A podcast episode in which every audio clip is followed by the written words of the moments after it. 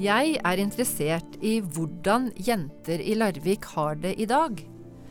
Med i studio har jeg håndballekspert Gro Hammerseng Edin, kommunedirektør i Larvik Gro Herheim og psykolog Katarina Karming Vestmoen.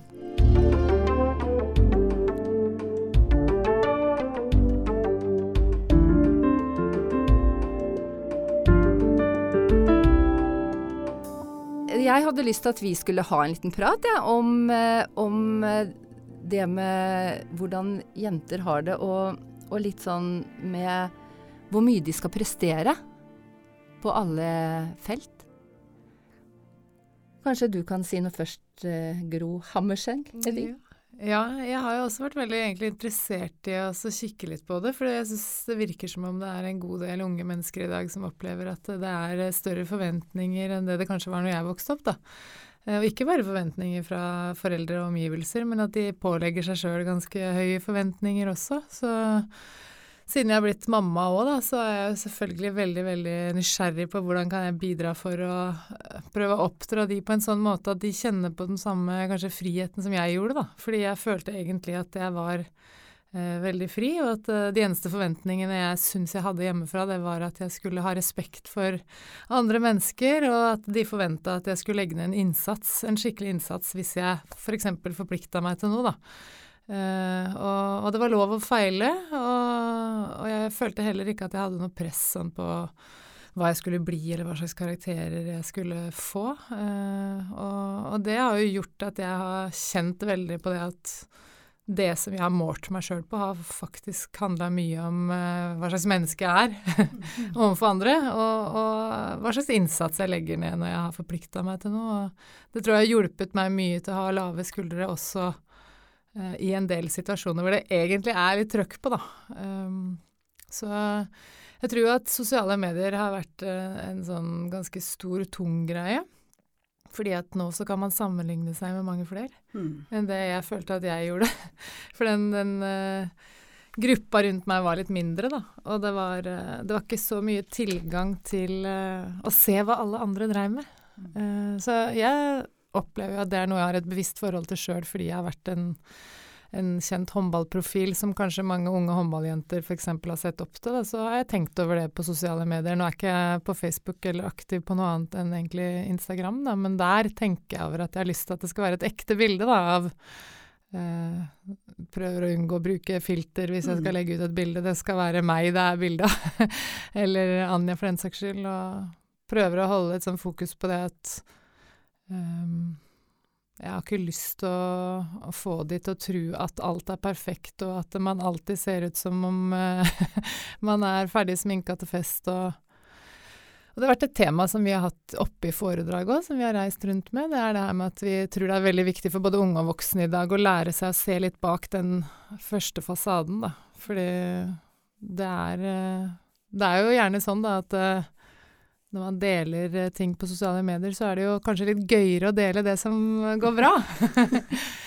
Men samtidig så vil jeg si at det finnes jo flere og flere aktive på sosiale medier som er helt i andre enden, da. Mm. Som kanskje løfter fram eh, veldig, veldig mye av det motsatte. Så det er begge deler. Men inputen er stor, da. Det er vel kanskje det jeg sitter igjen med. at de som vokser opp i dag, får veldig, veldig mye input fra flere mm. kanaler enn det vi hadde, og det det veit vi jo kanskje ikke nok om enda, hvordan man skal håndtere. Mm. Mm. Det der å sammenligne seg, altså man kan være egentlig fornøyd, mm. og, så, og, så, plutselig så ser du at å herregud, se hva alle de andre holder på med, da. Mm. Og så virker det stusslig det du driver med allikevel.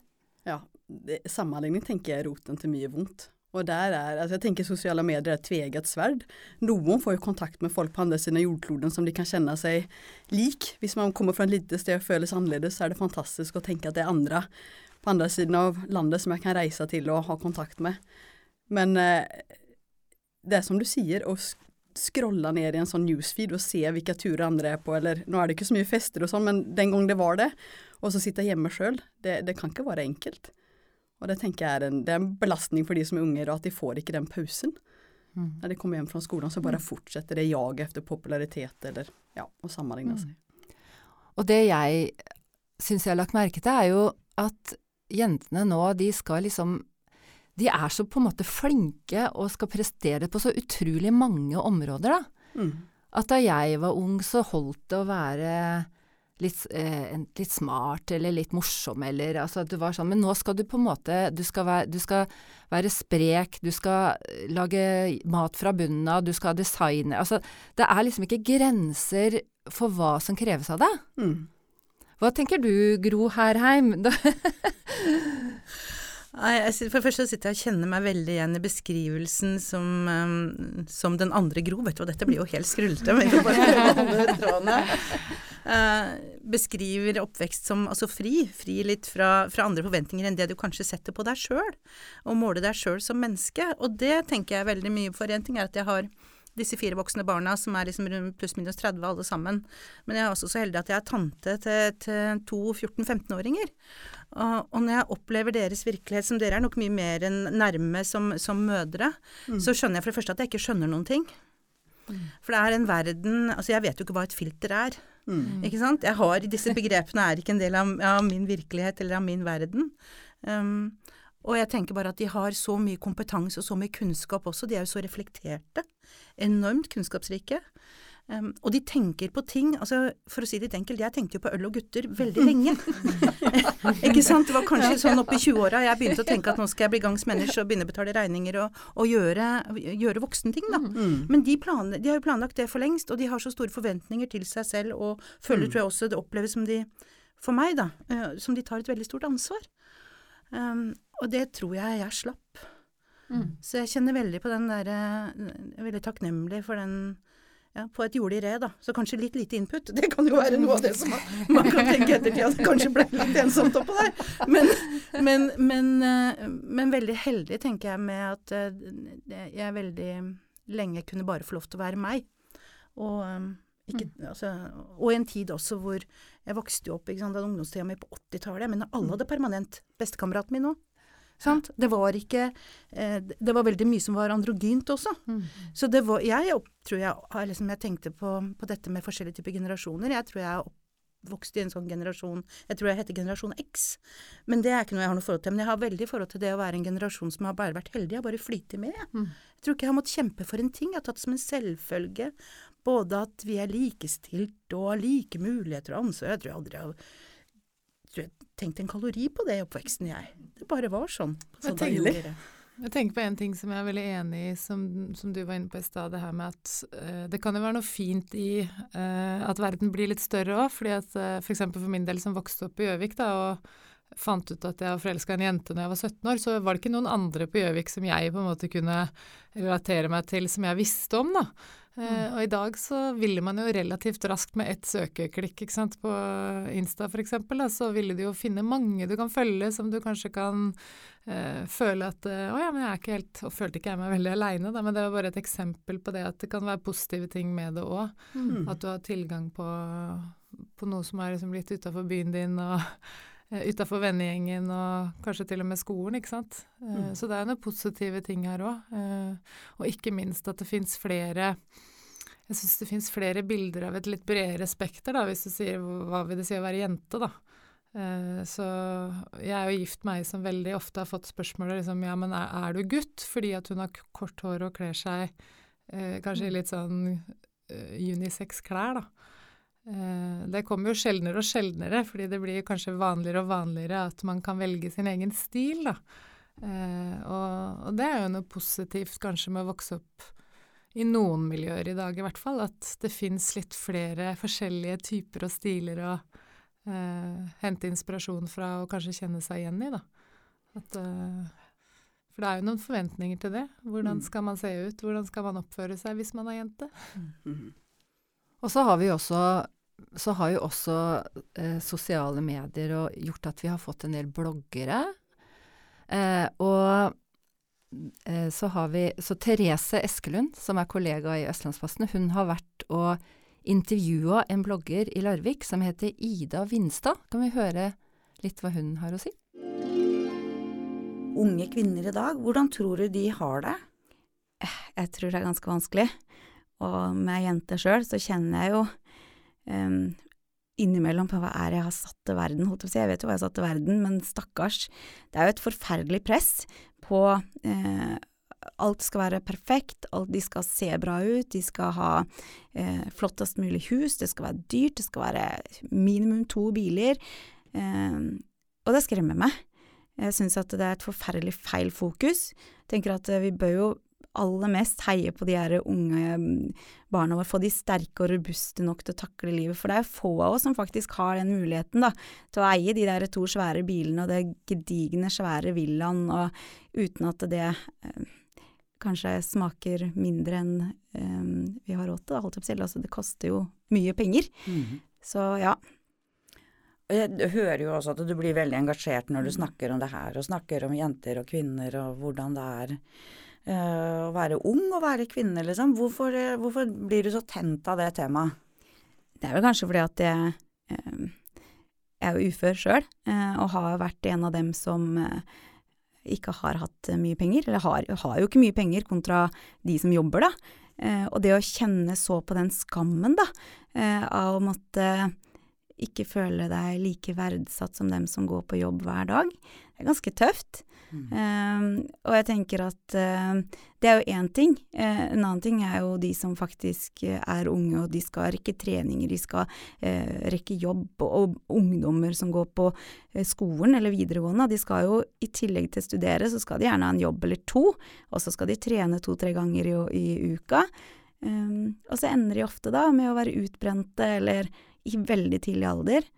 Um, så jeg, jeg syns at det er en litt sånn skummel vei da, som vi beveger oss på, rett og slett. Hvis du kunne liksom sagt noe til de som er i slutten av tenåra i dag, da. Mm. Hva ville du sagt til dem? Jenter, altså. Åh, er et vanskelig spørsmål, da. Men eh, jeg tenker jo at eh, ha det litt mer gøy. Ikke vær så opptatt av alle mål som du skal nå, men eh, ta deg tid til å, å være i nå, da. Um, fordi vi, ingen av oss vet hva fremtiden bringer. Um, vi vet hva som vi har tilbakelagt. Uh, det får vi ikke gjort så mye med. Framtida den ligger liksom foran oss helt eh, fri for ting. Vi kan uh, sjøl bane litt veien her.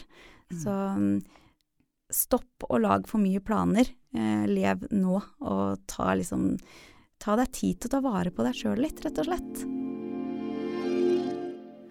Ja, hva tenker dere da på det Ida Vinstad sier? Altså, er, er liksom jenter mye mer strenge med seg sjøl enn gutter?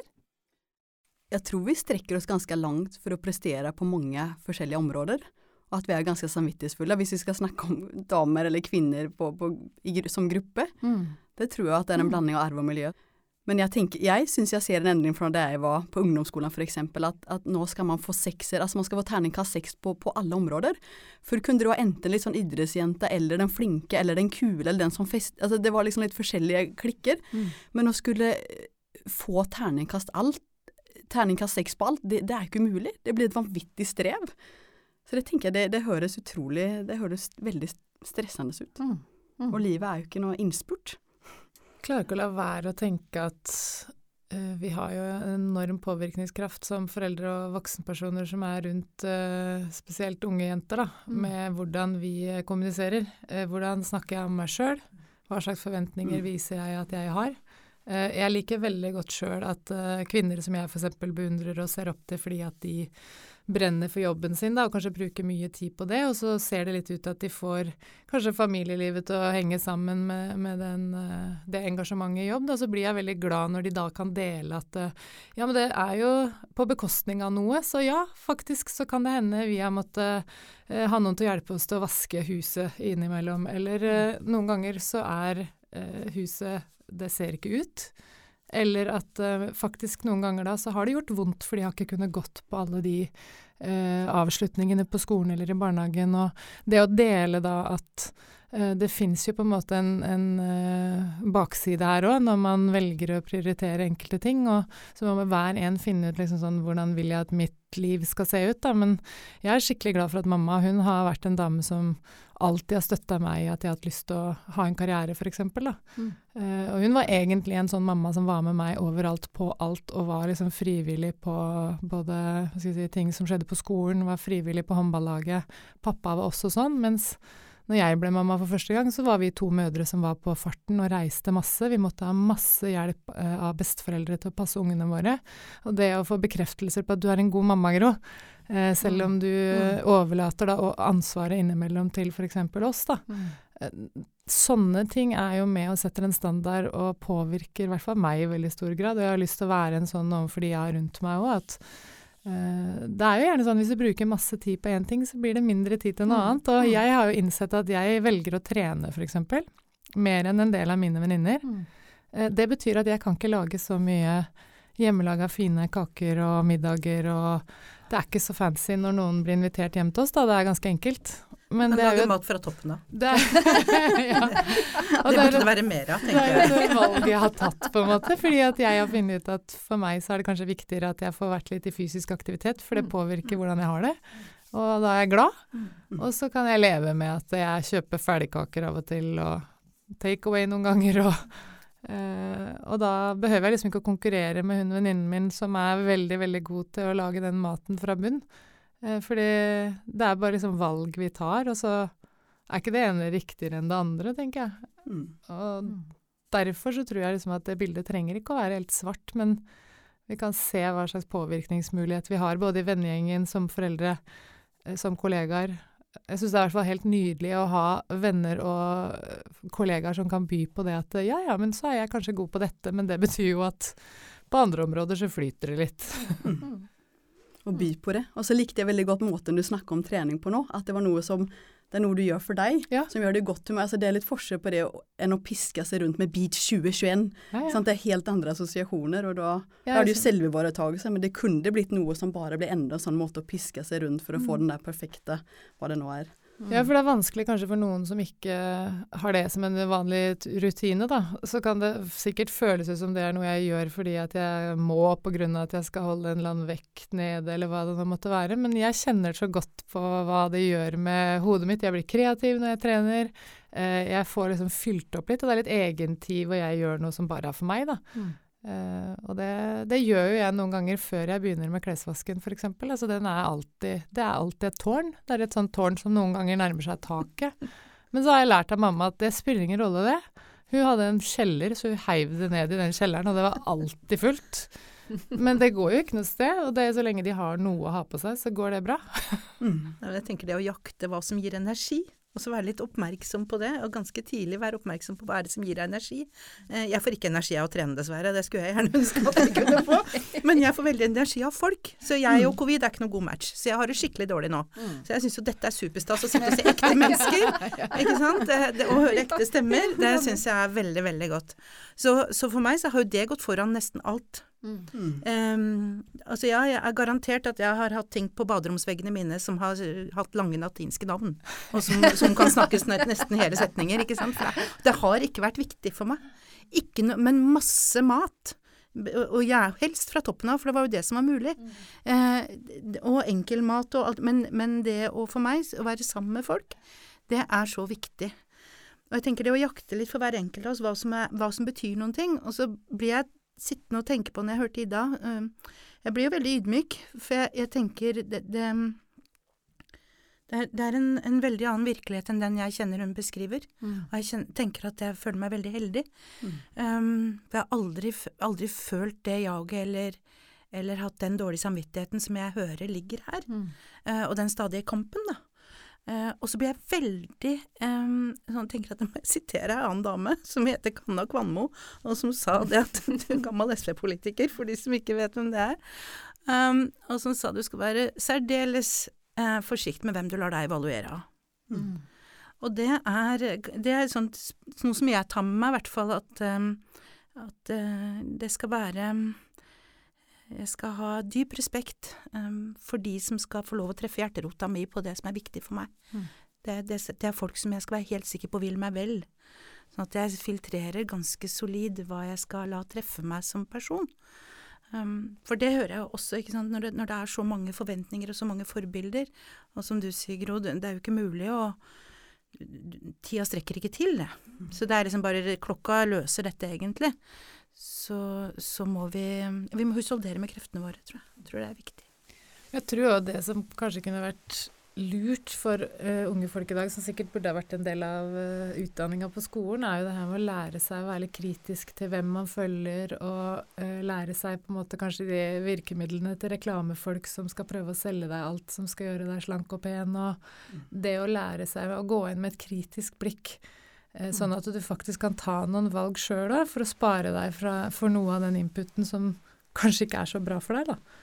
Eh, for det merker jeg sjøl av og til hvis jeg følger noen, at eh, noen ganger så får jeg en dårlig følelse fordi at jeg tenker at ja, men dette er jo ikke det jeg egentlig har lyst til å fylle, fylle meg med. Og da kan man jo velge å bare Nei, men da kan jeg velge å ikke følge. Og så kan jeg finne noen som, som poster ting som jeg får energi av, som jeg blir glad av eller inspirert av, istedenfor at jeg føler at jeg ikke eh, kan henge med på mm. nivået. Mm. eller, eller, hvis det rett og slett handler om noe som jeg kanskje skjønner oppi hodet mitt at ja, men dette er ikke bra, det fokuset er ikke bra. Mm. uh, og det er jo litt sånn interessant diskusjon i forhold til det som er litt sånn i vinden med sånn kroppspositivisme òg, for det er jo en del som på en måte har uh, uh, veldig fokus på det at alle kropper er naturlige, flotte kropper, og så blir det veldig, veldig mye kropp på de kontoene òg. Og da kan jeg av og til tenke sånn at men kan, kan vi ikke generelt få kanskje snakke om litt andre ting enn kropp, liksom? For det er så mye som foregår som er mer interessant mm. enn det. Men så ser jeg jo at for noen så er nok det eh, kjempefint. At de har noen rollemodeller som kan vise det at vi fins i alle former og varianter, og det har en verdi, det òg. Men eh, liksom det er en sånn balanse der hvor kropp får fylle veldig, veldig mye. Ja. Helt klart. Og jeg, det da har jeg snakka med ei som var med i Paradise Hotel og Love Island. Apropos kropp. Å, rundt, å, være med i et program hvor du må gå rundt bikini, det hadde i hvert fall ikke jeg vært med på. Men jeg, nå skal vi høre hva Andrea Sveinsdottir fra Larvik sier. Hva, eh, hva, gjorde at du hadde lyst til å bli med i, i Paradise Hotel og Love Island? Eh, det er et veldig godt spørsmål. Eh, Paradise Hotel var jo favorittprogrammet mitt. Det var Jeg kunne alt. Jeg kunne ramse opp liksom alle som hadde vært med, og alle som hadde vunnet, og syntes det var liksom det beste jeg kunne se på TV. Um, og hadde lyst til liksom å være med og teste ut hvordan er det egentlig å være med på dette. Uh, og sendte jo søknad litt sånn Man tror jo egentlig aldri at man kommer til å komme med, tror jeg, når man gjør sånne ting. Men uh, det gjorde jeg jo, da. Så det var veldig gøy.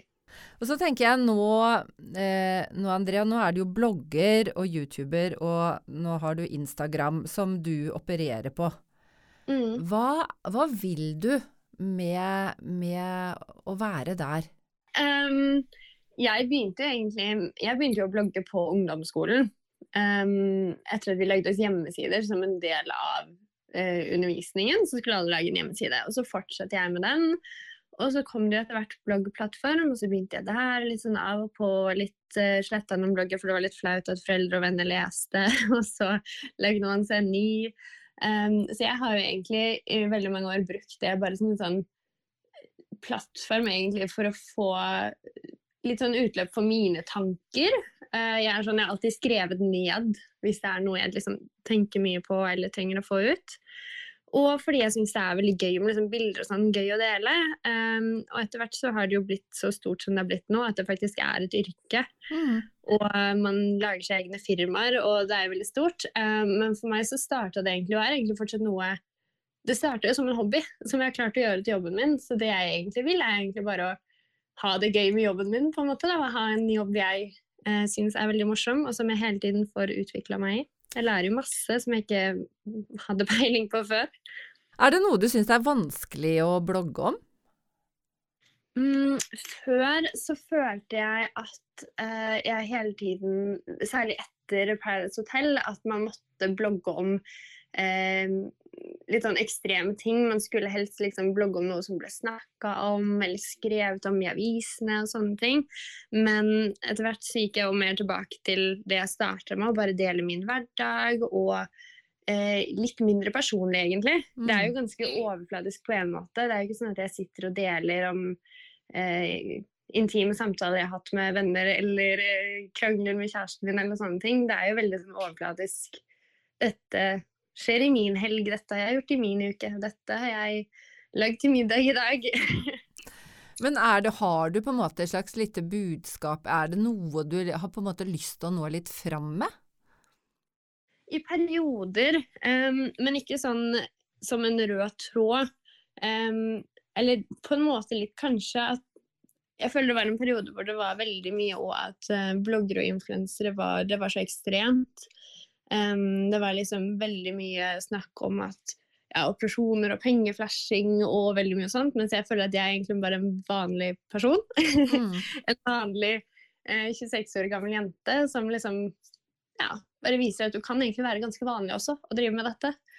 Um, men i perioder så har det jo vært temaer jeg har vært innom som jeg har hatt lyst til å sette fokus på. F.eks. som kvinnehelse med vaginisme.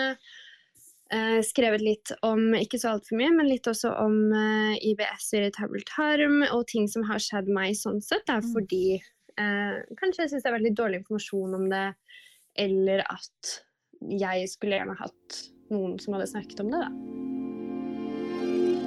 Ja, det var Andrea. Eh, hva tenker dere når dere hører Andrea hva hun blogger om? For min del, det jeg blir opptatt av, nå, nå skal jeg være ydmyk, for jeg har aldri gått i, i de skoene, eller jeg vet ikke nok om hva det dreier seg om, men jeg, jeg, tenker at det kan være fort gjort å miste seg selv i jakten på likes mm. og følgere og bekreftelse, og hva, på en måte, hva følgerne vil ha, kanskje. Mm. Og Det er jo mange kommentarer, det er støttende kommentarer, men vi vet jo også på kommentarfelt så kommer de styggeste, slemmeste tingene ut òg. Mm. At, at, man kanskje kan ja, miste seg selv litt, rett og slett. Ja. Miste seg selv og retning. Jeg syns jo også det med Jeg er litt opptatt av å få det der med å ta plass, da, som jeg stilte henne det spørsmålet. For kanskje i det at uh, jenter på sosiale medier er de litt sånn uh, vellykka flinke der, gjør det liksom at vi det er, det er ikke noe sammenheng nødvendigvis med at vi ta, tør å ta litt sjanser og kaste oss litt utpå. Gro, du er jo blitt eh, kommunedirektør. Altså, eh, du må tørre å tørre litt. Ja, og så kanskje er det sånn, har jeg tenkt mange ganger i forhold til meg sjøl i hvert fall, uh, at uh, ønsket om å ta ansvar er mye større enn frykten for å ta plass. Så det mm. blir ikke så viktig. Og så ble jeg sittende og tenke på en annen ting, og det er at jeg vokste opp på 70-tallet hvor vi var alle kledd i brunt og oransje, og uansett kjønn. Så liksom, for meg igjen så er dette Jeg blir sittende og tenke at jeg har slurva veldig i oppdragelsen av mine barn, for tror For meg så har ikke dette vært noen dimensjon. Det at man skulle ta plass, eller at det var gutta som tok mer plass enn jentene, For meg så er det veldig fremmed um, ja, altså kanskje jeg har bodd i sånn bakkebegrenda, jeg veit ikke. Det er veldig mye jeg ikke får med meg, for at jeg er litt sånn distré, stutteantenna-type. Men, men det, det, eh, det, er fremmed for meg å, å, tenke sånn. Fordi for meg så har bestandig eh, det hva jeg vil, vært mye viktigere enn omstendighetene rundt. Mm. Eh, ambisjon og ønske om å bidra, det å se muligheter for noe du brenner for. Mm. Jeg brenner f.eks. For, for noe så byråkratisk som demokrati, ikke sant. Jeg brenner for demokratiet. Jeg kan prate timevis på inn- og utpust om demokrati. Ikke nå. Nei, ikke nå. Jeg skal prøve å styre meg. Å, det er bra du, du, må regulere meg her. Og så ble jeg sittende og tenke da at, liksom, at hver tid, da, akkurat som demokratiet, må det må eies og fornyes hele tiden og kontinuerlig, og kanskje er det også sånn med vår plass som mennesker, da, og i mm. dette tilfellet unge damer, at man må, man må ta den fighten. Hver generasjon må ta den fighten, hva vil det si å være, være meg? Uh, og at det er egentlig en helt naturlig og god ting. Men én ting til, nå prater jeg mye, Kjersti. Men nå, jeg skal ikke prate om demokrati, jeg skal ikke gjøre det. Men jeg blir veldig opptatt av, fordi de, de forteller jo om ting jeg um, på disse sosiale, i disse sosiale mediene, ting som jeg aldri hadde turt å dele med noen. Mm. Uh, håper jeg knapt mannen min, ikke sant, som jeg er så glad i, og som veit mer om meg enn det jeg skjønner sjøl. Um, og så tenker jeg at det har også ført noe bra med seg, da at det er jo en åpenhet nå omkring ting. Du var jo så vidt inne på det i stad, Gro. Sånn. Det er en åpenhet omkring ting. Um, det er mange ting som ikke er skambelagt. Det er ikke skjult.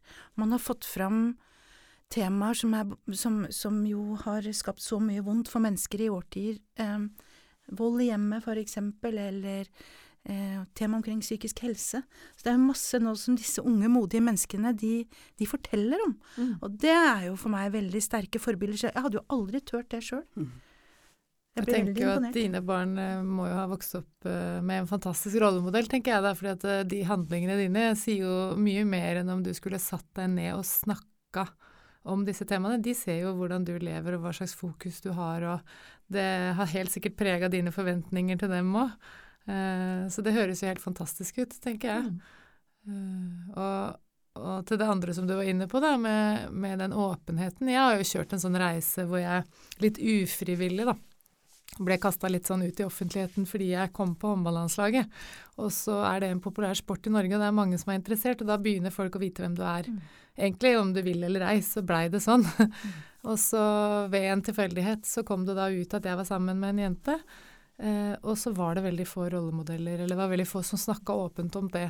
Og det var vanskelig, liksom, å, å skulle gå ut på det i starten. fordi at jeg tenkte så innmari mye på familien min, hvordan blir det for de, hvordan blir det for søsknene mine, og følte stort ansvar.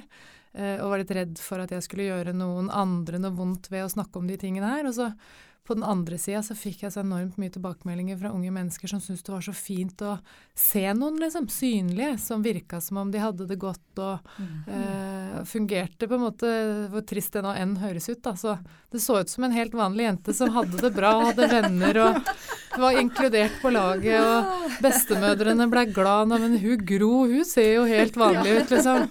Og så, og så blei det litt for meg Så blei det litt sånn for meg da, sånn som du sier, da, at, at det ansvaret og, og det engasjementet, det blei viktigere enn kanskje den frykten for eh, det som kanskje kunne være skummelt og skremmende med det.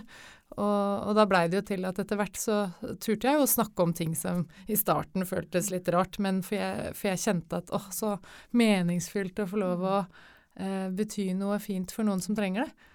Eh, og det er jo en veldig, veldig fin inngang, og det er jo mange, mange mennesker i dag som bidrar på sine vis, da. Uh, til at man kan snakke om ting som før ikke ble snakka om, og som var vanskeligere enn det det er nå, da. Jeg syns det var kjempespennende å lære det at, at en av de tingene som er sånn sterkeste skamtriggere hos kvinner, da, når man har forska på mange kvinner, da, det gjelder jo ikke alle selvfølgelig, men sånn, hvis, du, hvis du forsker på veldig mange kvinner, så er noen av de tingene som dukker høyt opp hos oss, det er eh, at vi syns det er skamfullt å være til bry. Mm. Og, og, og vi syns også det er skamfullt å havne ut, utafor. Og hvis du er litt upopulær, f.eks., så havner du jo utafor. Eh, Og, og det er litt skamfullt å bli eldre. Og det handler kanskje noe om forventninger til utseende og, og, og hvordan man skal se ut, da. Eh, Og bare det å lære seg at oi, det er ganske vanlig for kvinner flest. Eh, Og det å lære seg da at hva er det vi ofte gjør, det er jo at vi da blir enkle og greie å ha med å gjøre, hyggelige, snille, eh, og tenker at det er litt sånn, sånn vi skal være. Mm. Men bare for min del å være klar over at det er sånne triggere som ganske mange kvinner har, hjalp meg til å tenke at ok, nå kjenner jeg liksom at det skurrer litt, og jeg blir litt eh, kanskje redd for eh, å være for mye, eller ikke sant. Blir det dårlig stemning nå hvis jeg sier ifra? Så øver jeg meg på at hvis det er viktig nok for meg, så må jeg gjøre det likevel, og så stå i det ubehaget, da. Stå i den skammen over at ja, nå blei det dårlig stemning. Eh, nå var ikke det helt det de hadde lyst til at jeg skulle si. Eh, bare å ha den kunnskapen hjalp meg litt. Bare noe så enkelt som å forhandle om lønn syns jeg var kjempeskummelt. Og det handla jo om at jeg var litt redd for hva kommer de til å tenke om meg nå? Ikke sant? Hvem tror hun at hun er? Eh, men da utfordre den i meg sjøl og tenke at eh, det er jo ikke så farlig. Det er det mange som gjør, og de har fortsatt eh, venner, og de får lov å fortsette å jobbe. Eh, så noen ganger så er det veldig ålreit med litt sånn kunnskap òg, Mm. syns jeg. For det, da kan jeg dra det fram når jeg kjenner på skammen, eller kjenner på ubehaget, eller frykten for å bli for mye, eller Og i idretten så fikk jeg jo være mye. Det var jo ikke noe problem å være mye som håndballspiller. Der skal du jo gjerne ta litt plass, ikke sant. Mm. Særlig som forsvarsspiller og Ikke sant. Og så det å øve på at uh, Det satt litt lenger inne for meg sånn utafor banen, da. Eh, kommer fra et sted hvor jeg har hørt liksom mange ganger at du skal ikke tro at du er noe. Mm. Eh, men det skal vi jo egentlig, da. Det skal vi. Og det er kjempeviktig. Ja. Jeg blir så opptatt av hva du tenker som For du er jo psykolog. Ja. Ja. Jeg blir, og disse unge menneskene og unge jentene. Jeg blir Mm. veldig Og hvordan de har Altså, du spurte Kjersti, hvordan Mm. har de det? Jeg er veldig usikker. Ja, nå er det jo mange ting. Nå har det jo dessverre det kanskje litt verre enn før òg, med covid-19. Mm. Men det er litt sånn annen, annen diskusjon. Men jeg tenker vi har vært inne på det at de er, de er strenge med seg selv, mange av de. Og de blir seriøse tidlig. Mm. Og de kan noe med fordel gi litt mer F og tenke at dette er en reise, det er ikke en innspurt. Livet skal jo for de fleste være en eller flere maraton. Og da kan Det blir så trist hvis livet skal bli et stress. I jakten på karakterer. Det går jo bra for veldig mange. Og vi kan ikke bare ha et samfunn der alle får seksere på, på alt. Og det der med å, Og kanskje Hva skal jeg si, da? De fleste kan ha en snillere indre dommer. Veldig mange har en altfor streng indre dommer. Det er min erfaring. Vi er mye rausere med hverandre. Eh, og det vi setter pris på hos andre, det er jo sjeldent liksom den sprettrumpa, eller den flotte bilen, ikke sant. Det er jo at de er en god lytter, at de er varme, at de får oss til å må bra, og, og, og være litt rause med oss selv. Det høres så klisjé ut, men å være en bedre venn med oss selv. Selvmedfølelse, ikke selvmedlidenhet, for det kan jo være litt sånn passivt og at man kan bli bitter av, men selvmedfølelse. At man rett og slett vil seg selv vel på veien. Jeg tenker også at man tør å ta flere sjanser, og jeg tenker at det blir bedre resultater hvis man først skal være opptatt av resultater, ved å faktisk senke skuldrene litt. For det blir litt krampaktig å gå rundt i livet med kjempehøye skuldre. Men det har ikke, for egen del, det har ikke kommet gratis. Jeg syns det er lettere å bli eldre, ja. Jeg syns liksom fra 30 og utover så har det blitt bedre, og jeg tenker 40 år nå, det må jo bare handle om å gunne på. Det er nå det begynner, tenker jeg. Kan jeg snakke om 50-åra og si at dette det blir bare bedre? Bring it on. Skal ikke det være budskapet herfra, da? Til jentene i Larvik? Syns det var bra poeng jeg, på slutten her. Jo, fordi at det er noe med det. det jeg tror ikke det var sånn at vi seila oss gjennom ungdomsåra, vi heller. Det er jo en usikker tid. Hvor man lurer litt på liksom, hvem er jeg, hva skal jeg bli når jeg blir stor, og jeg er nå 40 og jeg enda ikke landa det. Og det, jeg har det så bra.